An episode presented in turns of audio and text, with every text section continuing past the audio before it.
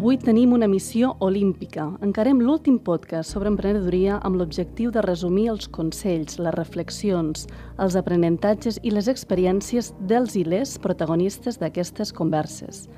No se m'acut un regal millor per als oients del podcast de Barcelona Activa que un recull de cites dels nostres emprenedors.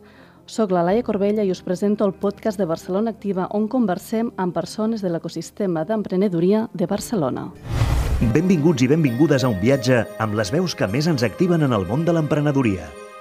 Si tens una idea de negoci, aquest és el teu podcast. Trencarem tots els mites al voltant de l'emprenedoria. Ens acompanyes?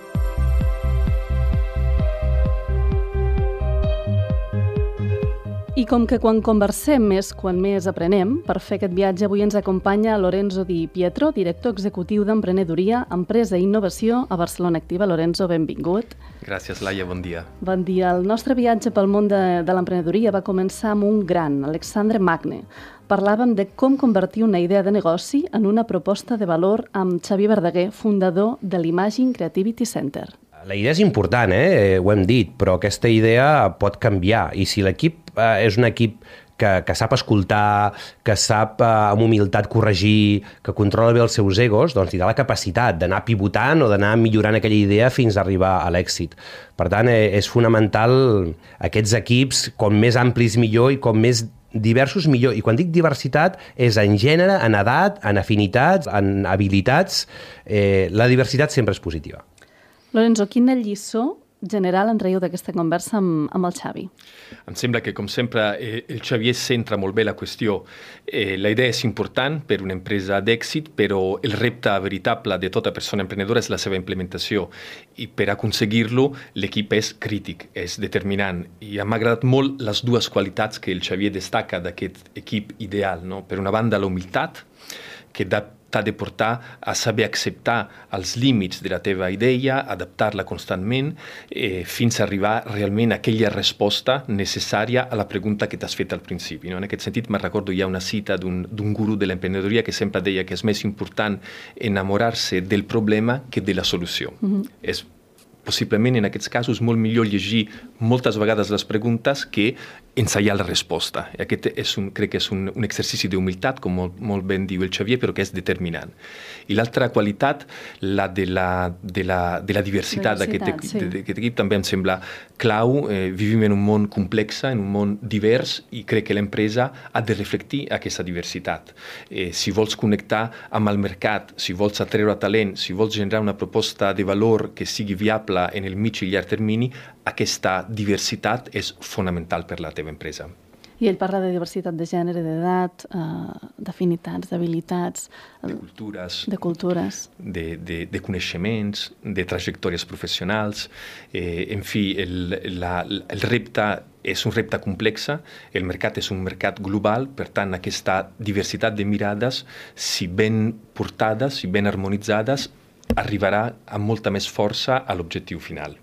En, en una altra conversa també vam parlar de que el món de l'emprenedoria també té les seves caixes de Pandora, no? els seus mals, els seus obstacles i entrebancs, i, i que cal saber reconduir. L'emprenedor Pedro Olivares ens comentava que només coneixem el discurs de la persona que triomfa que no sabem, um, diguem, no expliquem els fracassos, no? només coneixem els casos d'èxits. Sí, sí aquest, diguem-ne, si, si l'anterior és un repte eh, més personal, aquí hi ha una dimensió col·lectiva. Jo crec que com a societat, si volem ser una societat emprenedora, hem d'aprendre a normalitzar l'error, el fracàs. Hem d'aprendre a conviure amb l'error, acceptar-lo. En la nostra societat, en la societat mediterrània sobretot, hi ha com una, una vergonya, una, una, una no acceptació del, del, del, de l'error, del fracàs. En canvi, eh, l'error acostuma a ser part de l'èxit. El camí de l'èxit és un camí d'errors, sovint molts errors. L'error té una dimensió, per mi, molt pedagògica, és a dir, és quan t'equivoques que realment entens com funciona una cosa. Si no t'equivoques mai, potser a vegades passa, però acostuma a ser molt poc probable. Per tant, un error com a font d'aprenentatge, un error com a moment de, fins i tot de creació de resiliència no? com persona i com equip és determinant. Si, si a, abans o després ens, ens equivocarem. Per tant, millor fer-lo aviat, millor entrenar-se a equivocar-nos, aprendre de l'error i continuar cap endavant. Eh, aquest és un tema, com dèiem, mm, que en el nostre, en el nostre entorn encara encara no hem aconseguit acceptar. El, um, hi ha aquí un camí, un repte, i aquí les administracions públiques crec que tenim un rol clau, que és el tema de la segona oportunitat. És a dir, generar espais jurídics on realment l'emprenedor, la persona emprenedora pugui equivocar-se i aquesta, aquest error, aquesta equivocació no els marqui per tota la vida. Per tant, el concepte de segona oportunitat per mi és un gran filon que hem de treballar per tal de que la nostra societat realment sigui una societat emprenedora. Parles d'error, això m'agrada molt, no, no tant parlar de fracàs, no, sinó parlar més d'errors. Aquest concepte de segona oportunitat, um, hi estem arribant aquí, ho tenim, és, és possible, ho estem treballant? S'està treballant molt, hi ha iniciatives legals, hi ha moltes plataformes, molts agents econòmics que estan treballant molt seriosament perquè hi hagi realment un sistema normatiu que admeti el fracàs, admeti l'error i permeti a la persona emprenedora tenir una segona i fins i tot una tercera oportunitat, perquè en altres contextes, eh, per exemple, als Estats Units és el que sempre es posa com a exemple, l'error està normalitzat. La, el, els bancs, els inversors entenen que aquella persona no és que té un mal congènit, sinó que s'ha equivocat, però que té iniciativa, té voluntat i té força per aixecar-se i tornar a començar. I això s'ha d'acompanyar, això s'ha de protegir, això s'ha de posar en valor el discurs dels que no triomfen, dels i les que no triomfen, per mi té exactament el mateix valor dels que triomfen. Aquest és un missatge que suposo que doneu bastant uh, des de Barcelona Activa i, i tu que cada dia dos parlen moltíssims emprenedors. Um, ho entenen, ho interpreten bé, això? És un missatge que ja uh, s'entén aquí a casa nostra? Sí, eh, eh les persones ho entenen, però tenen les seves barreres, perquè saben que per molt que eh, els expliquis això, després la realitat és una altra. La realitat és que quan t'has mm, eh, equivocat eh, es genera una certa, un cert anticossos uh -huh. en l'ecosistema més, més proper. Per tant, sí. eh, la, la gent ho entén i la gent, i la gent s'identifica amb això. També és veritat que nosaltres intentem que hi hagin pocs errors. Eh? També això s'ha de dir, que no, no, no és que l'error s'ha d'agafar com una, una, una, una cosa que no té conseqüències. Evidentment, els errors tenen, tenen eh, conseqüències, s'ha d'intentar limitar l'error, però quan passa, que sovint és inevitable, s'ha de poder gestionar de manera positiva i de manera eh, activa. En una altra conversa vam abordar la cerca de finançament, el sang grial de l'emprenedoria, amb, amb el Daniel Oliver de Capital Cell i l'Helena Rico d'Impact. Vam tractar des de com s'estructura una ronda d'inversió fins a quina hauria de ser la composició mm, de capital d'una empresa. Imagina't um, que tens un emprenedor al davant, que necessita finançament, que ja té un projecte, que, és, que té més que una idea, no? que ja té fins i tot un MVP. Quins consells o, o què li diries a aquest emprenedor que cerca finançament? Ja, la primera cosa que li diria és que vingués a Barcelona Activa. Això per descomptat. A Barcelona Activa tenim un servei especialitzat en cerca de finançament. El que fem des d'aquest servei és analitzar cas per cas eh, les necessitats de finançament de cada projecte, de cada empresa, i a partir d'allí orientem cap a la font més adequada, sigui finançament públic, sigui finançament privat, sigui finançament bancari.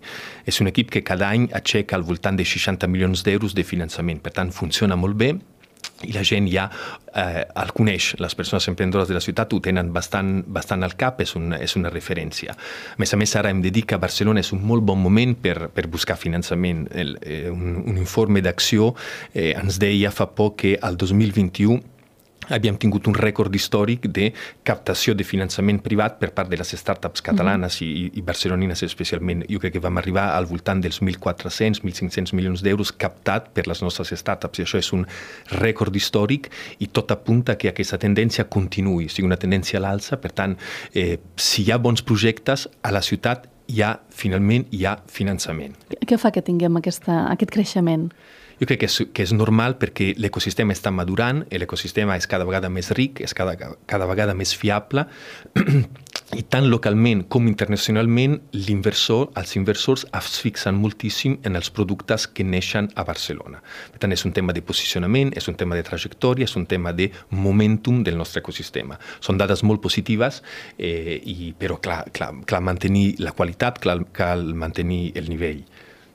Mm, darrere de, de l'èxit de moltes empreses i projectes hi ha un lideratge, no? que més enllà pot ser de generar resultats i beneficis, també genera aquesta cultura corporativa mm, com deia fins i tot la Mara Alarcón, no? que parlava de tot un lideratge i de tota una cultura d'empresa. L'emprenedor al final és un, agradi o no, és un líder nat. El seu objectiu número 1 és aconseguir un equip aconseguir algú qui segueixi la seva la idea que té i l'ajudi a executar-la. El segon és aconseguir trobar algú que el financi. Vull dir, al final és algú que està encapçalant una nova iniciativa, un nou model de negoci, un etc. No? Llavors, sigui, l'emprenedor ja, ja té... És, per començar, és el líder de si mateix, perquè emprendre és una manera de viure. Quines són les competències d'aquest lideratge del segle XXI? Aquí a mi em venen al cap dos coses. Eh? La primera és la capacitat de conviure i gestionar el canvi i per altra banda em ve al cap el tema de la, de, de la comprensió de les noves cultures del treball. Respecte al primer tema, el tema del canvi, jo crec que aquests primers dos anys de, de, de la tercera dècada del segle XXI uh -huh. ens han fet entendre com mai què vol dir canvi. Eh, la Covid, la guerra d'Ucraïna, eh, són exemples claríssims de canvis que arriben sense avisar, canvis que no esperen a que ens preparem per poder-los afrontar.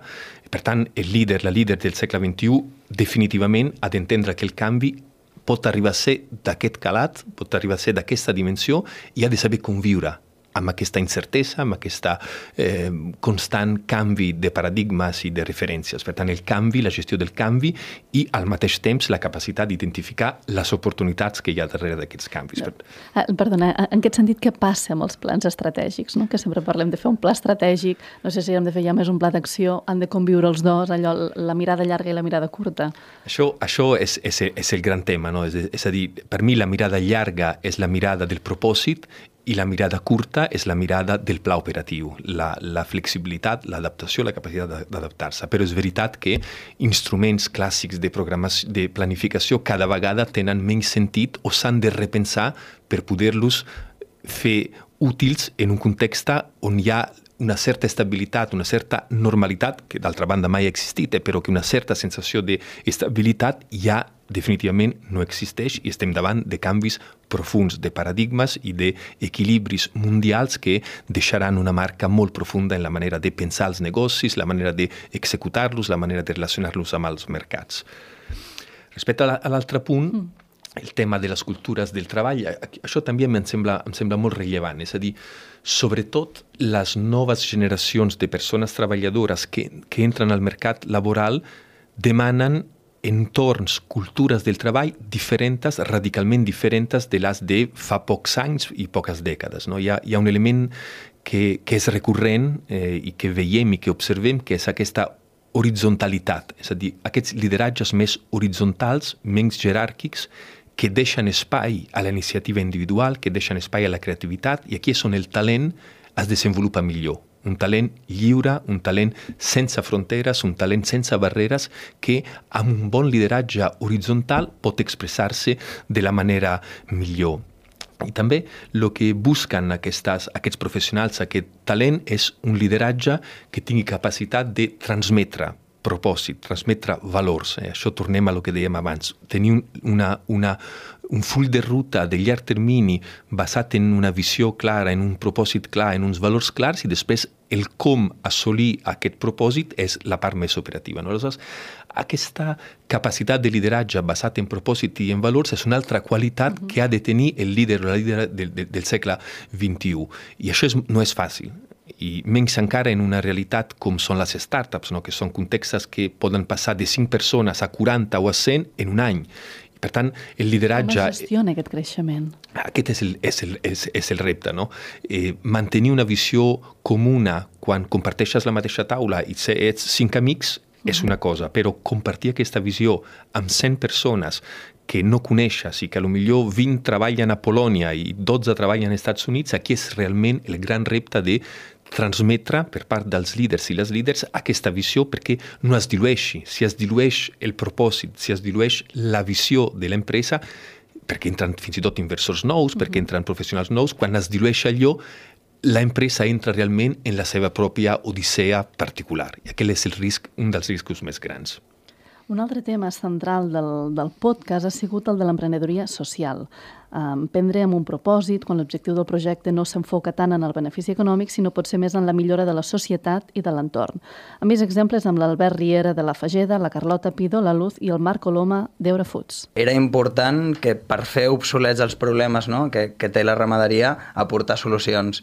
I això és el que estem fent no? des d'Eura, impulsar una transició proteica que busqui descarbonitzar el sector ramader i generar una carn que permeti que tothom pugui menjar carn cada dia de manera saludable, tenint en compte el planeta i la justícia alimentària. Què diríeu que es necessita per emprendre en valors? Aquí mm, ho ha dit el testimoni claríssimament, aquesta doble mirada, no? Per una banda el negoci, però per altra banda la societat.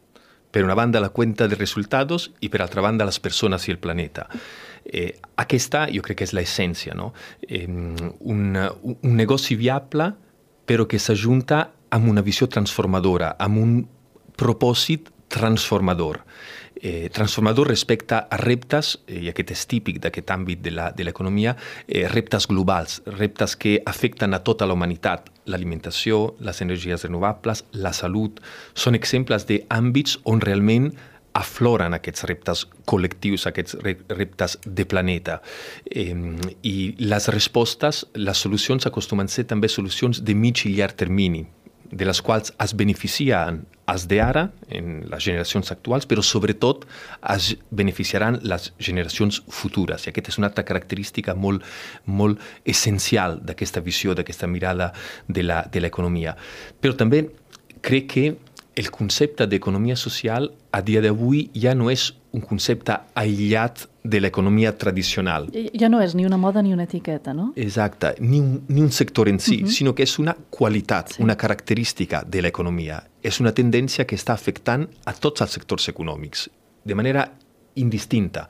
Si l'empresa vol ser una empresa competitiva, vol tenir una proposta de valor viable en el mig i llarg termini, si vol atreure talent, si vol comunicar-se amb el mercat, ha d'introduir, d'entendre, de comprendre, d'introduir aquesta doble mirada del negoci i de l'impacte.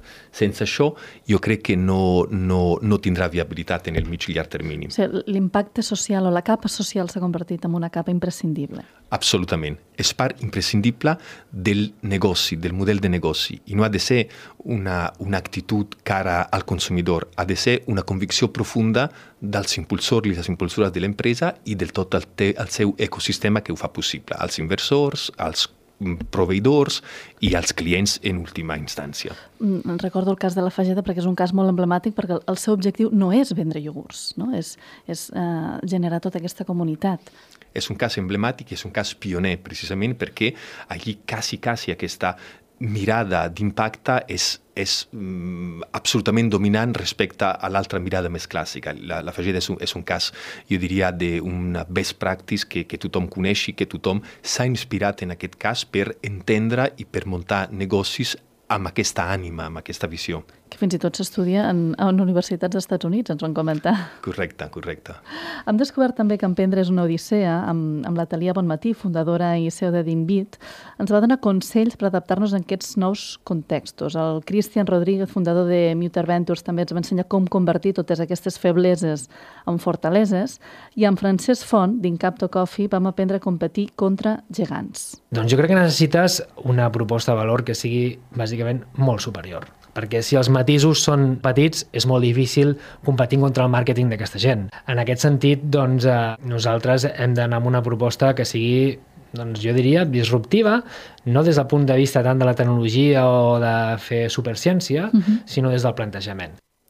Um, amb en Francesc parlàvem de David contra Goliat, no? Uh, I una mica aquest consell que, el, que ell dona, què en penses, Lorenzo?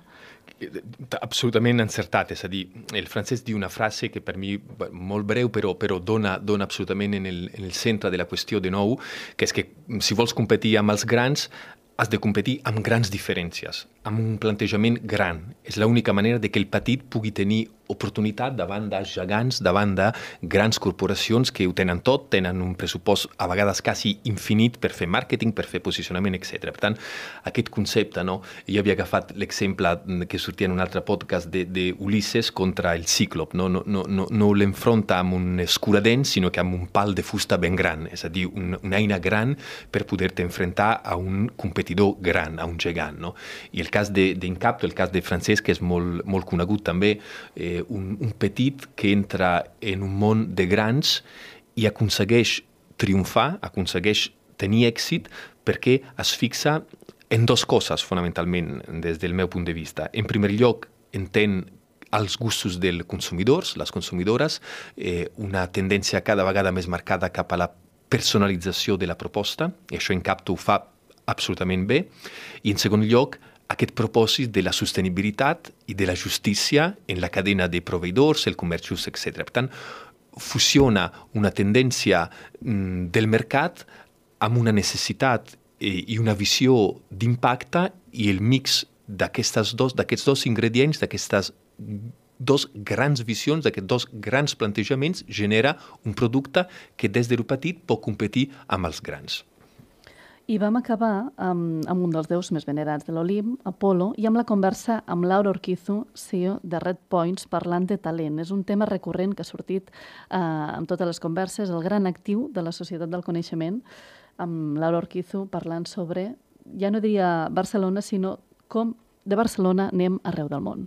La lucha por el talento es en este momento brutal. Y no solo por el talento de equipos, sino también de emprendedores en serie que pueden elegir unos destinos u otros como sedes para fundar sus próximas, eh, sus próximas empresas. Lorenzo, innovar des de Barcelona és possible. Tenim molts casos eh, d'èxit, no només el de Redpoint, sinó que n'hi ha moltíssims més. Com aconseguim eh, retenir, atraure talent, convertir-nos en aquest ecosistema eh, pioner des del sud d'Europa? Eh, jo crec que ja ho som, en part ja ho som. Eh, Barcelona en els rànquings internacionals acostuma a posicionar-se molt, molt bé en termes de talent. Tenim unes universitats públiques de primer nivell, de primer nivell. Eh, tenim unes escoles de negoci mundialment reconeguda, reconegudes. Tenim un sistema de recerca absolutament eh, mm, dotat de talent, de mitjans i de posicionament. Tenim també això és veritat, una, una, una qualitat de vida, una, una màgia no? de la ciutat de Barcelona, que és un, un imant, un magnet pel talent, pels inversors, pels fundadors de startups, etc.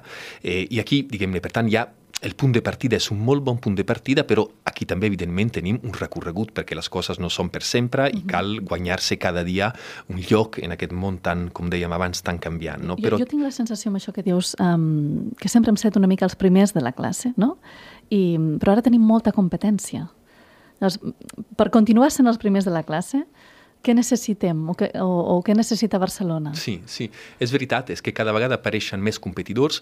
Eh, jo, tot i que Barcelona no m'agrada veure-la com el primer de la classe, perquè el primer de la classe sempre té una, una cosa una mica, mica, una mica repel·lent, avorrit. Sí, Nosaltres sí. som aquells que ho fem molt bé, sí. però sense a vegades aquello mm, formalitzar-lo, no? Sí. A, a vegades amb una...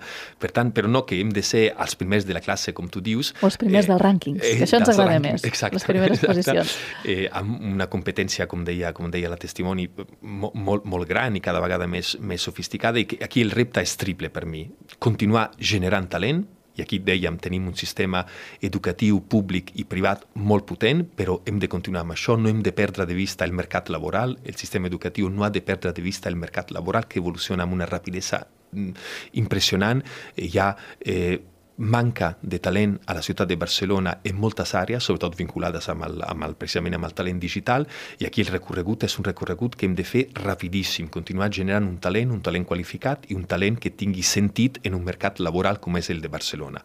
El segon repte és retenir aquest talent, retenir-lo i aquí, de nou, les oportunitats professionals i una ciutat amb una alta qualitat de vida són dos ingredients importantíssims, una, també una ciutat amb una oferta cultural important, una ciutat eh, cosmopolita, són elements que ajuden a retenir el talent, que la gent vulgui quedar-se. I després el tema també de l'atracció, evidentment, com també has dit, el tercer repte de l'atracció, necessitem que la ciutat continuï sent una ciutat oberta, una ciutat tolerant, on la gent vulgui venir i quan ve té facilitats per instal·lar-se, per quedar-se, per portar aquí la seva família. Eh, aquí encara encara no tenim un sistema perfecte en aquest sentit, perquè hi ha encara algun element administratiu, algun tràmit que dificulta en alguns mm -hmm. casos aquesta, aquest soft landing de persones i persones emprenedores, talent, etc. Des de Barcelona Activa, en aquest sentit, fa poc hem llançat un, un nou servei que es diu Barcelona International Welcome Desk, que és una finestreta única precisament que facilita l'aterratge del talent internacional, del talent global.